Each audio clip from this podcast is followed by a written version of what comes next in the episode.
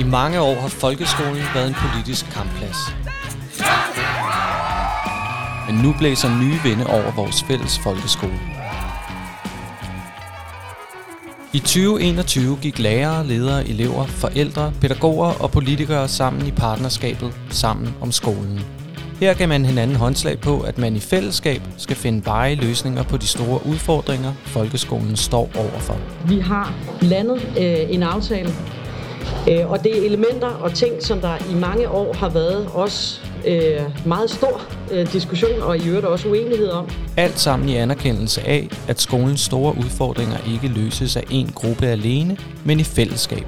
At skole er noget, vi laver sammen.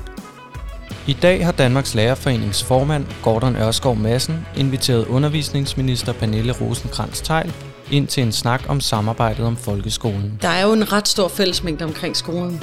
Altså så i forhold til, hvordan er det egentlig, man får et skolevæsen til at være et skolevæsen. Om skolens udfordringer. Den første og aller, aller største udfordring, øh, synes jeg, omkring folkeskolen, er, at der har været krig om den i alt for mange år. Om sammen om skolen partnerskabet, og om de løsninger, vi skal finde i fællesskab. Velkommen til Danmarks Lærerforenings podcast Skole laver vi sammen.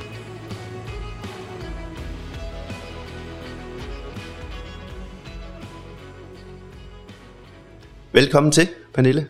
Jeg har glædet mig til, at vi skulle øh, lave den her podcast sammen om sammen om skolen. Tak for det, og det har jeg også. Vi har jo givet hinanden øh, håndslag på, at vi vil løse de udfordringer, skolen står overfor i fællesskab. Hvis du sådan kigger lidt rundt, hvad er det så for udfordringer, du ser i, i den danske folkeskole? Uha, uha, uha. Jamen, den første udfordring er jo i virkeligheden det, som sammen om skolen er et svar på. Altså, fordi den, den første og aller, aller største udfordring, øh, synes jeg, omkring folkeskolen, er, at der har været krig om den i alt for mange år. Øhm, og der vil mange jo med det samme sige, at det er jo totalt selvforskyldt, for det hele hænger sammen med lockouten, og det er jo fuldstændig rigtigt. Øh, men jeg synes, vi har haft brug for at starte ikke forfra, sådan kan man ikke sige det, men, men få et samarbejde op at stå, og det vil sige, det vigtigste er at få genopbygget tillid. Og det kan tage to sekunder at få tilliden fra hinanden, og så tager det 10 år eller 20 år at bygge den op igen. Men det er det, jeg synes sammen om skolen først og fremmest er et svar på, at jeg synes, det er den måde, man skal lave skole på, der er, at man gør det i fællesskab med hinanden.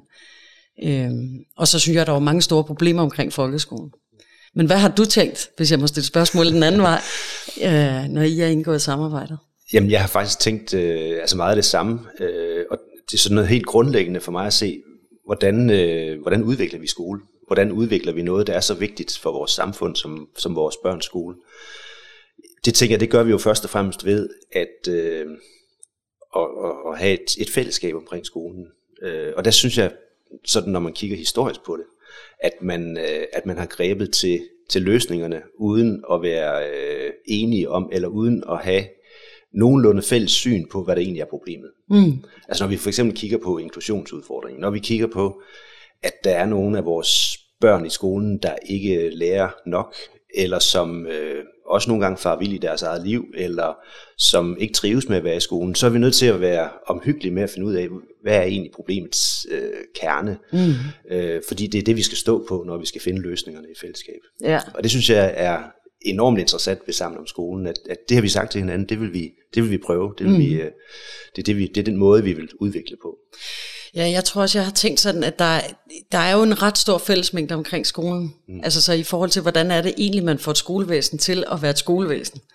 At øh, der er jo de helt forskellige legitime perspektiver på det. Der er mm. forældrene, der ser ind i skolen på en måde og mm. gerne vil have noget ud af den. Mm.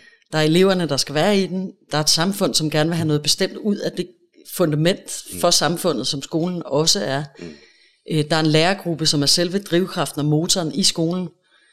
Øh, og midt i det, der skal man finde sin vej. Mm. Og på en eller anden måde, så er det snublende nærliggende at sige, at selvom perspektiverne er forskellige, så må det være der, hvor de perspektiver mødes, mm. at man bedst kan drive skolen fra. At mister man et af perspektiverne, så kan man faktisk ikke rigtig lave skole. Og det er det, jeg har tænkt også har været fejlgrebet. Mm. Og omvendt, så synes jeg jo så også, at det viser sig, at altså, de fleste af os kan elske 80% af det, der bliver lavet. Og hvis man kan have det som rettesnor, øh, så kan man øh, lidt mere roligt lade de 20% stå som værende uenighederne, hvis man har tryghed ved, at de 80% faktisk bliver sådan noget. Så det synes jeg også er sådan en ideal model måske for sammen om skolen. Ja, Og så er det også en kæmpe fordel, at vi har, vi har lært hinanden, alle parterne og alle øh, politikerne, når vi sidder der sammen, at øh, vi lytter til hinanden. Ja. Altså vi anerkender hinandens perspektiv på det her. Yes. Og, øh, og der tænker jeg, at, at netop det med at kunne være enige i det meste, øh, jo også betyder noget for os som, som fagpersoner. Det her, det er faktisk øh, nogle vigtige skridt i den rigtige retning, øh, og som vi bakker op. Og alt er ikke, som vi øh, som det er, hvis vi selv skulle bestemme. Men sådan er verden bare ikke. Vi, vi er nødt til at fælde, finde den fælles retning, og det, det synes jeg, det her handler rigtig meget om. Fink, øh, hvornår fik du egentlig første gang tanken, at det kunne være en god med sådan et, et partnerskab om skolen? Det gjorde jeg forud for lockouten tilbage øh, i tiden. Det er længe siden. Øh, det er rigtig lang tid siden, ja. Altså fordi det, jeg, altså dengang synes jeg jo, man stod i en ekstremt svær situation. Mm. Øh, fordi at vi stod i den økonomiske situation, vi gjorde. Øh, og øh, øh, og øh, jeg synes jo, det var mere oplagt, øh, at man havde fundet en fælles løsning mm. på det hele. Og det vil sige, øh, jeg havde synes, det var mere oplagt, at man i det partsamarbejde havde løst øh, både arbejdstidsproblemerne med de parter, der er rundt om det, og så en skolereform med de parter, der er rundt om det, mm. og som jo på lange stræk er sammenfaldende. Mm. Og det vil sige, jeg kan jo ikke sige, at man kunne have skrevet historien anderledes, hvis man havde gjort det dengang. Men det var i hvert fald et bud på, hvordan man kunne have håndteret det på en måde, hvor at alle måske i højere grad var kommet ud af lokalet, både med ansigtet på hold, men også på en måde, hvor at man havde kunnet se sig selv i de rigtig svære beslutninger, der skulle træffes dengang. Øhm, så i virkeligheden er det jo en, en gammel tanke og udviklet på et tidspunkt, hvor at det var de problemer, vi stod i forud for, øh, for at tingene så i øvrigt gik galt. Altså så for mig er det egentlig en, en, en gammel opfattelse, eller en mangeårig efterhånden opfattelse af, hvordan man bør lede skolen, og hvordan særligt, når problemerne er virkelig svære, at det er det tidspunkt, jeg synes, det er allervigtigst, at man rykker sammen i bussen, øh, og hvor at man lidt for let øh, fra Christiansborg, fordi man jo har magten, kan vælge øh, den lette løsning og få kørt nogen over. Øh, og hvor det lige præcis der, synes jeg, at man skal ture trække vejret dybt ned i maven, og så tage dem ind, man er allermest uenig i, og så faktisk få fundet nogle fælles løsninger. Og det kan så være den ene gang, man kun er enig i 60% af det, der ligger, men det er altså bedre, end at den ene part er enig i 0. Mm. Vi har også haft nogle lærere, der har ringet ind, og øh, der kommer lige et, et, et første spørgsmål fra en lærer her. Jeg hedder Anne Hammer, og jeg er lærer på Sejt Skole i Silkeborg Kommune. Og jeg kunne godt tænke mig at vide, øh, hvordan man har tænkt sig at få den viden og de erfaringer, som lærerne har helt ude i klasselokalerne, hvordan man har tænkt sig at bruge det til at udvikle skolen. Altså måske skal man være helt konkret. Jeg var afsted rundt i lærerkredsene, for øh, det var faktisk ingen corona efter, der, der har der været øh, lidt øh, trængt med kun kunne det, mens vi havde lukket alting ned. Men der var der en lærer, der gennemgik, hvad hun i løbet af den første øh, skoleteam havde skulle tage sig af af problemer, øh, i klassen. Altså helt, helt lavpraktisk. Jonas skulle det og det. Så skulle der ske det og det med Mads, så skulle jeg, og så var der en elev, der gjorde sådan noget. Øhm, og den der, det der helt øh, hverdagsagtige blik ind i skolen, tror jeg eksempelvis er fuldstændig afgørende for at håndtere øh, de vanskeligheder, der er med inklusionen. Altså det der med, hvor ufatteligt langt der kan være fra at skulle stå og håndtere en konkret situation i hverdagen, og så til vores forståelse på Christiansborg af de problemstillinger, der er, hvor man diskuterer mistrivsel, mm. diagnosesamfund på nogle meget overordnede niveauer. Øh, og hvis ikke man forstår at binde de to ting sammen, så bliver man lost i løsningerne. Øhm, og, og der, jeg, nu håber jeg jo, at det lykkes at få landet, at vi for eksempel får specialundervisning tilbage på linje. Øh, Øh, og det er altså en opsamling direkte fra min tur rundt øh, i lærerkredsen, fordi det var så ekstremt tydeligt. Øh, og det der gik igen, at der, kom, der var færre og færre dem, der havde special, fordi de gik på pension. Man havde brug for, at der stod nogen konkret i det næste frikvarter, man kom ned. Ikke et eller andet, man kunne låne ved kommunen. Ikke et eller andet, der var langt væk. Men noget, der var direkte tilgængeligt på lærerværelset af specialkompetencer. Det synes jeg faktisk er sådan, man binder det sammen. Altså det der med at kunne se for sig, at mængden af det, man har hørt, øh, krydret med det, man får at vide fra den organiserede del, altså fra lærerforeningerne, øh, og, så, øh, og så omsætte det til, jamen, hvad er det så for nogle konkrete politiske værktøjer, der skal til for at løse de her problemer. Øh, ja, den sam, det er sådan, tror jeg, man skal samle op på det. Og i virkeligheden kan vi jo få øh, hvad skal man sige, viden og inspiration flere steder fra, fordi Altså vi kan også vi kan både tale med lærere, øh, og jeg tager ud på medlemsmøder, og du tager os ud, og vi tager ud på skolebesøg, og, og vi tager... Yes. Men vi har jo også haft lærere inde i, ja. i rummet, øh, som har erfaringer inden for et konkret område. For eksempel det her med at, at prøve at lave en meget varieret skole, mm-hmm. få alle elever med i undervisningen. Der har vi fået nogle gode bud fra, fra lærere, som har erfaringer med det. Det synes jeg er, er rigtig interessant øh, som inspiration, men også som, som, som det fælles vidensgrundlag, vi skal bygge på. Ja, og det er jo i virkeligheden en af arbejdsmetoderne i Sammen om skolen, det er jo lige præcis det her med at invitere folk ind, sådan så både Sammen om skolen og forliskreds, altså alle, der ligesom sidder omkring bordet, hører nogle af de samme ting. Og jeg synes noget af det mest interessante i Sammen om skolen, altså jeg har jo altid talt med enkeltvist, men når man så ser jer sammen, så er det jo at reflektere på det hinanden siger. Altså fordi der får man sådan nogle lag og nuancer i tingene, som man faktisk ikke gør ellers, og der giver det ufatteligt meget mening først at have fået et oplæg, fra praksis, og så reflektere fællesskab hen over det. Det er også enormt interessant politisk, altså det er enormt interessant at høre, hvad siger Venstre og Konservative, altså hvordan reagerer de egentlig, hvis en lærer siger dit, du, dat. Altså, ja. Noget af det også interessant, det er jo også at registrere, at politikere øh, faktisk har stor respekt for, at der kommer nogen, der har forstand på noget, altså lærere, der har forstand på undervisning, der kommer og, med deres erfaringer, med deres viden. Det er jo ikke til at komme udenom.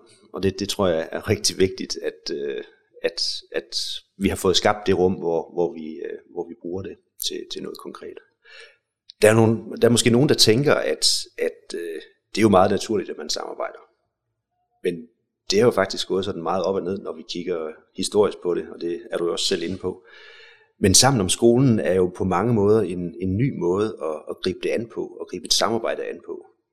Øhm, hvad, hvad tænker du, der, der adskiller sig fra den måde, vi sådan traditionelt har, har udviklet skoleområdet eller udviklet politik på i Danmark? Hmm, altså jeg tror faktisk mest af alt ligner det vores trepartssystem på arbejdsmarkedet. Og det vil sige, at det, det er meget utraditionelt på undervisningsområdet, men det er jo, altså, øh, nu kommer jeg jo fra fagbevægelsen oprindeligt, og der er det jo utroligt sædvanligt, at det, der er udkommet, det er, at man som regering og parter kommer frem til en, en fælles løsning på nogle problemer, som krydser hen over øh, hvad man har samfundsmæssigt legitim adgang til selvfølgelig at skulle bestemme over, fordi det er hele vores samlede samfundsøkonomi, men hvor parterne selvfølgelig fuldstændig ligesom omkring skolen, øh, også har fuldstændig legitime øh, positioner og adkomst til at skulle have indflydelse, også, også privilegeret indflydelse på, hvad der skal foregå. Så ja, nu har jeg siddet på arbejdsmarkedet i mange år, mm. og, øh, og kommer man derfra, fra arbejdsmarkedsstoffet, så er det egentlig snublende nærliggende. Og det kan egentlig undre mig, at man, når man nu har haft hovedaftalen siden 1899, at man så ikke har fundet på at gøre det på skoleområdet tidligere. Øh, netop fordi, at man også der har at gøre med, at man har øh, nogle meget store interessentgrupper, ligesom man har med lønmodtagere og arbejdsgiver. Altså man har lærerne, som er dynamoen, og derfor har en fuldstændig, altså alle har interesse i, at lærerne er med ombord. Og så har man selvfølgelig en forældre- og elevgruppe, som er modtager af det hele, som også har en fuldstændig legitim rolle at spille inde i det rum. Øh, og så har man samfundet, øh, hvor at det giver sig selv af en af hovedhjørnestenene øh, i vores velfærdssamfund. Øh, og, og i hele fundamentet for vores fællesskab, der har man selvfølgelig også den overordnede, fuldstændig ligesom med arbejdsmarkedspakke. Jeg synes, det er snublende nærliggende, mm. øh, at, at selvfølgelig skal det landes i fællesskab der. Jeg tænker nogle gange på, at at vi har simpelthen en, en gylden mulighed for at gøre det her samarbejde så stærkt, som vi overhovedet kan, fordi der er nogle, der er nogle omstændigheder, der er gunstige lige nu. Også at vi har øh, et, en, en forligskreds, som siger, at det, det er det her, vi vil, og det er den måde, vi, gør, vi også godt vil arbejde på. Så, så jeg tænker, vi, vi skal virkelig sørge for, at det bliver så stærkt, som, som vi overhovedet kan gøre det, for, for at det også bliver langtidsholdbart. Sådan at, at det ikke bare sådan, bliver sådan en, en, øh, et frisk pust, og så øh, lægger vinden sig bagefter. Det vil være ærgerligt. Ja, og det tror jeg handler meget om, at man kan holde den balance, at, øh, at alle kan se sig selv i 80 procent. Mm. Altså fordi forskubber det sig, øh, og det er egentlig ligegyldigt, hvilken en af siderne, der får tiltusket sig for meget magt i den balance, så, øh, så, vil, så vil nogle af de andre trække næsen til sig igen. Altså fordi det samarbejde, det, det er jo baseret på, at man kan holde de balancer. Og noget af det, der er enormt svært omkring skolen, efter min bedste overbevisning, det er, at Øh, der er mange gange et krav om hastighed i samfundet på at løse nogle problemer på skoleområdet. Men de problemer kan typisk kun løses af meget langsom vej. Mm. Og der skal politikerne passe meget på med øh, ikke at stille i udsigt, at man løser problemerne med det samme. Fordi den eneste måde, man kan gøre det på, det er jo ved, at 90 mandater i Folketinget vedtager noget lovgivning. Og det løser jo vel og mærke ikke problemerne overhovedet, men det kommer til at få politikere til at fremstå meget slagkraftigt. Mm. Og derfor så vil der jo komme sådan et pres for, hvorfor bruger I ikke de 90 mandater, I har på Christiansborg, til at mase dit du dat løsning igennem? Og hvor man ikke skal kende skolen særlig meget for godt at vide, at jo, så har man da fået skrevet et stykke papir, men derfra til, at det faktisk også bliver sådan i klasselokalerne, er der ufatteligt langt. Mm. Og den fælles forståelse er der lige nu. Men det er nogle balancer. Mm. Og det er egentlig det, det, der også er spændende ved Sammen om skolen, det er, kan vi lykkes med at få skabt øh, fælleshed og, øh, og fælles øh, vidensgrundlag at stå på? Kan I som politikere øh, på Christiansborg vedtage noget, noget lovgivning, som, som vi kan bakke op, og kan vi så også samles om at realisere forandringerne bagefter? Fordi du, jeg har også tænkt meget på, at, at, at du har også sagt, vi, skal, vi har ikke brug for reformer. Vi har brug for øh, et, et grundigt stykke arbejde, øh, så, hvor vi et for et tager fat på de problemer, som folk, folkeskolen står med. Og så skaber vi de forandringer, vi tror på i fællesskab er, er, er de gode forandringer og, og de nødvendige forandringer. Men det kræver jo også, at vi kan følge det til dørs. Ja, det gør tænker det. du om det? Fordi jeg, jeg tænker også, altså nogle gange, så, så hører jeg også, at ud fra nogle af de gode kolleger ude på skolerne, ja, ja, det er godt med, med samarbejde, men hvornår sker der en forandring ude hos mm. mig? Jo, men lad os tage, altså et af, et, en af, altså jeg tror faktisk det første Sorø-møde, øh, og måske nærmest det eneste, fordi der så har været mm. corona siden, men det handlede om inklusion. Og en af de ting, som er blevet drøftet, også meget løbende, også under øh, corona, det har jo været ordblindhed som del af det med inklusionen. Og der kan vi jo simpelthen se det på den VIVE-rapport, der lige er kommet nu, at det vedholdende har haft blikket på det, mm. har jo faktisk flyttet, at vi op på en langt større andel bliver opdaget tidligere, og en langt større andel får den hjælp og støtte, der skal til meget tidligere. Faktisk det største ryg, der er i VIVE-rapporten, det er på præcis det. Og, og, og det siger mig noget om, at der hvor man holder, altså bliver ved med at holde øjnene stift rettet på det, og i stedet for at tro, at man kan lave store reformer, så justerer man til efterhånden, som der kommer en ny idé om, hvordan kan vi gøre dit du dat bedre, skabe bedre rammer for. Og så tror jeg, der er rigtig meget forankring. Altså, og det, altså jeg, i virkeligheden så tror jeg meget, det er ikke fordi, jeg ikke tror på lovgivning, det ville være mærkeligt at sige, når man er lovgiver. Men vi fik ligeløn i Danmark det år, jeg blev født. Øh, altså, jeg tror, at de fleste er bekendt med, at der ikke helt er ligeløn endnu. Mm. Og det vil sige, at lovgivning er jo, er jo ikke meget mere værd end det papir, det er skrevet på, hvis ikke der er nogen til at bære det ud i virkeligheden. Og derfor så tror jeg ikke på, at man kan implementere ændringer af folkeskolen, hvis ikke vi gør det i fællesskab. Altså man kan godt skrive papir om det, man kan sikkert også få 20% til at gå i den retning, man gerne vil. Men hvad så med resten af skolen? Altså, så jeg tror også, der er et eller andet i dybt at forstå skolens væsen, Øh, og forstå samspillet mellem en lærer, der står alene i et klasselokale, nogle gange er de to, men det er jo i hvert fald ikke flere end det, øh, og skal få nogle ting til at blive til virkelighed øh, på den ene side, og så et samfund på den anden side, der gerne vil noget bestemt med skolen. Øhm, at, at der er det altså ikke lov. Det er jo et spørgsmål om, at, at, at lærerne gør det, de mener er bedst for børnene i klasselokalet. Det er jeg utrolig glad for, at de gør, for ellers så ville det godt nok være gået galt. Men det betyder jo også, at hvis ikke læreren kan se rationalet med det, vi gerne vil, øh, så, er det helt, så bliver det aldrig implementeret. Altså fordi så vurderer man, hvad der er bedst for børn, og så gør man det. Og derfor så øh, er det afgørende vigtigt, at man har lærerstanden med på de bevægelser, man laver. Altså helt inde i hjertet af de forandringer, der sker, fordi ellers så bliver det aldrig implementeret i klasselokalet. Og det, kan, det er jo heller ikke sikkert, at vi, vi rammer plet, og I rammer plet med lovgivningen i første hug. Det kan jo det, godt være. Det kan godt være noget er der mildest talt en risiko for, at vi ikke gør. det kan jo godt være noget af det, som bliver sat i gang, som, som ikke rigtig lykkes. Det skulle være mærkeligt andet. Og så skal vi jo kunne evne at tage det op og lave de justeringer, lave de forandringer og bruge de erfaringer, der bliver gjort. Jeg synes, den der cirkulære tænkning ved, ved at sige, vi prøver noget af, øh, men, men vi har faktisk også gjort os nogle overvejelser, inden vi prøver noget af, det er klart, og, og der bliver også lavet ny lovgivning, der skal bakke det op. Men, men hvis ikke forandringerne sker, som vi, gerne kunne, som vi godt kunne tænke os, så må vi prøve at, at tage det øh, til efterretning, og så prøve noget andet, eller, eller justere noget. Vi har lige et enkelt ja. øh, spørgsmål mere fra, en, øh, fra, en, fra et medlem. Det er Emma fra København. Mit navn er Emma. Jeg er øh, skolelærer og har været uddannet i snart 11 år.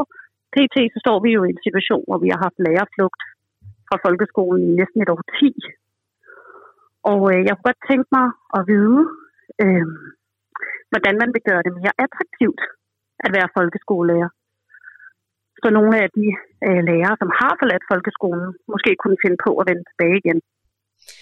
Jeg tror, vi skal fjerne menings, altså fornemmelsen af meningsløshed i nogle af de opgaver, man står med. Øh, og altså, hvis man skal nævne to eksempler på det, så øh, er det min opfattelse, at de fleste lærere synes, at det har været relativt hul i hovedet med de nationale test i den form, de havde førhen. Og simpelthen er svært ved at se, hvad er meningen med det her. Og jeg tror, når man fjerner meningen med arbejdsopgaven, så vil de fleste i lærerstanden stemple ud. Altså enten vil bare overstå de opgaver, fordi de skal, øh, og nogen vil blive så frustreret over det, at man ikke har lyst til at fortsætte. Og hvis man skal pege på en anden af dem, så tror jeg, man opfatter det som meningsløst, hvis man står i et undervisningslokale, hvor at man ikke opfatter, at man øh, har de ting og de redskaber med sig, man skal bruge for at kunne lykkes med det. Og det kan være, fordi inklusionsopgaven er for stor, det kan være, fordi der er for mange elever i klassen, eller nogle andre forhold. Og hvor man har en oplevelse af, at man egentlig har sagt det højt over for ledere, over for sin fagforening, der har ikke været hul igennem op til det politiske lag, for at få givet de redskaber den frustration tror jeg kan være med til at lære øh, stempler ud. Og så tror jeg også tiden oven på lockouten, altså hvor jeg tror at rigtig mange lærere følte sig skældt ud. Altså grundlæggende havde en følelse af, at nu har man gået på arbejde hver eneste dag. Og faktisk, altså vi har en af verdens bedste skoler, så man har trods alt lavet et ret godt stykke arbejde. Og den tak, man så fik, det var, at, at man blev svinet til i medierne for sit liv. Altså det tror jeg også er med til at, at skabe noget af det, der har skabt en, en lærerflugt. Så det, der skal til, det er jo så det omvendte altså, det er, at man har tillid til lærerstanden, og det er, at de opgaver, man bliver stillet, meningsfuldt kan løses, øh, og at de rigtige redskaber er stillet til rådighed. Og det kommer, til at, øh, det kommer ikke til at ske hverken i morgen eller i overmorgen, fordi for eksempel inklusion, det kommer til at tage lang tid at få tingene for alvor tilbage på sporet alle steder. Nogle steder man lykkes rigtig godt med det, men der er stadigvæk alt for mange steder, hvor vi ikke er lykkes med det.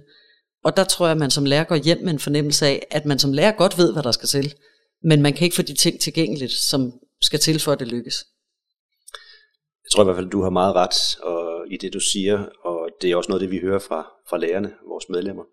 Øh, men der er også mange, der siger, at, at der er simpelthen for travlt, og der bliver ikke prioriteret tilstrækkeligt. Øh, det her med at finde ud af, hvad, hvad er vigtigere end noget andet. Øh, og, så, og så er der for mange, der, der, der kommer til at opleve, at, at, man, øh, at man, ikke, man ikke har tid til at løse opgaven ordentligt. Altså, og, og det bliver en utilfredsstillelse i, i, i, i længden.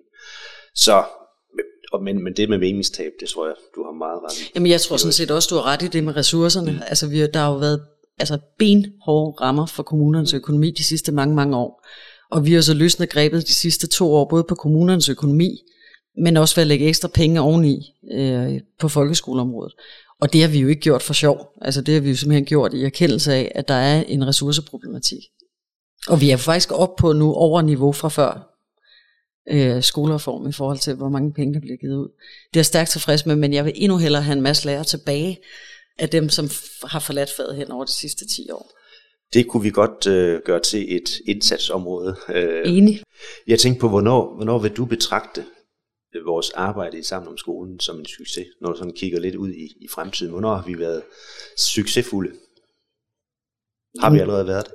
Ja, det, altså jeg vil sige, jeg synes i hvert fald, at vi bestod svendeprøven, da vi fik landet aftale om nyt evaluerings- og bedømmelsessystem. Altså det skal jo ikke være nogen hemmelighed. Folk råbte jo af hinanden, bare vi sagde øh, ordene national test, da, da jeg startede som minister. Og derfor synes jeg egentlig, at det, at det lykkedes os i sammen om skolen at få landet noget, og igen, vi hver så er enige i 80% af det, der ligger, og alle synes noget af det gik for langt i en eller anden retning, men vi kan se os selv i 80%, forskellige 80% det synes jeg faktisk var svendeprøven. Men altså en succes. Jeg så gerne, at det blev partsbelagt på samme måde, som man altid har gjort det på, på arbejdsmarkedsområdet. Og det vil sige, nu taler vi så om hovedaftalen tilbage fra 1899. Hvis det lykkes at etablere sammen om skolen som den måde, man driver skole på i vores samfund, øh, og det skal det jo have mange år på banen til, og der skal der også have været skiftende ministre, før man kan konstatere, om det er sådan, at det kan holde til tidens tand. Men det er jo i virkeligheden det, der er min drøm, det er, at det bliver den måde, man, man opfatter det at drive skole på, og derfor er det det, der er den naturlige øh, håndtering af det. Men det kræver både du og jeg ikke er der længere, og øh, nogle af de andre, der har været med til at starte det op og løbe det i gang. Øh, kan det holde til de udskiftninger, eller kan det ikke? Øh, og det håber jeg, det har. Eller kan. Pernille, tusind tak, fordi du vil være med. Det har været en interessant samtale, vi har haft. Tusind tak, Så, fordi du måtte. Tak for det, og, og tak for samarbejdet. Ja, tak for samarbejdet. Det er vigtigt. Tak for nu.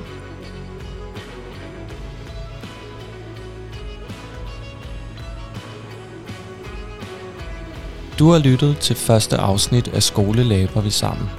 En podcastserie fra Danmarks Lærerforening.